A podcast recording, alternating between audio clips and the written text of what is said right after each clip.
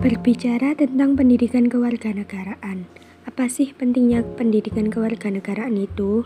Pendidikan kewarganegaraan itu sangat penting karena tanpa adanya kewarganegaraan sebuah negara tidak akan dapat berdiri sendiri dan dapat bertahan.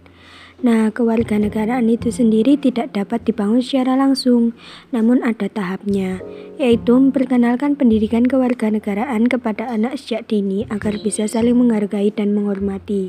Di Indonesia sendiri, pendidikan kewarganegaraan diterapkan dalam sekolah-sekolah untuk memberi pemahaman tentang pentingnya kewarganegaraan. Sekian, terima kasih, dan selanjutnya akan saya serahkan kepada host.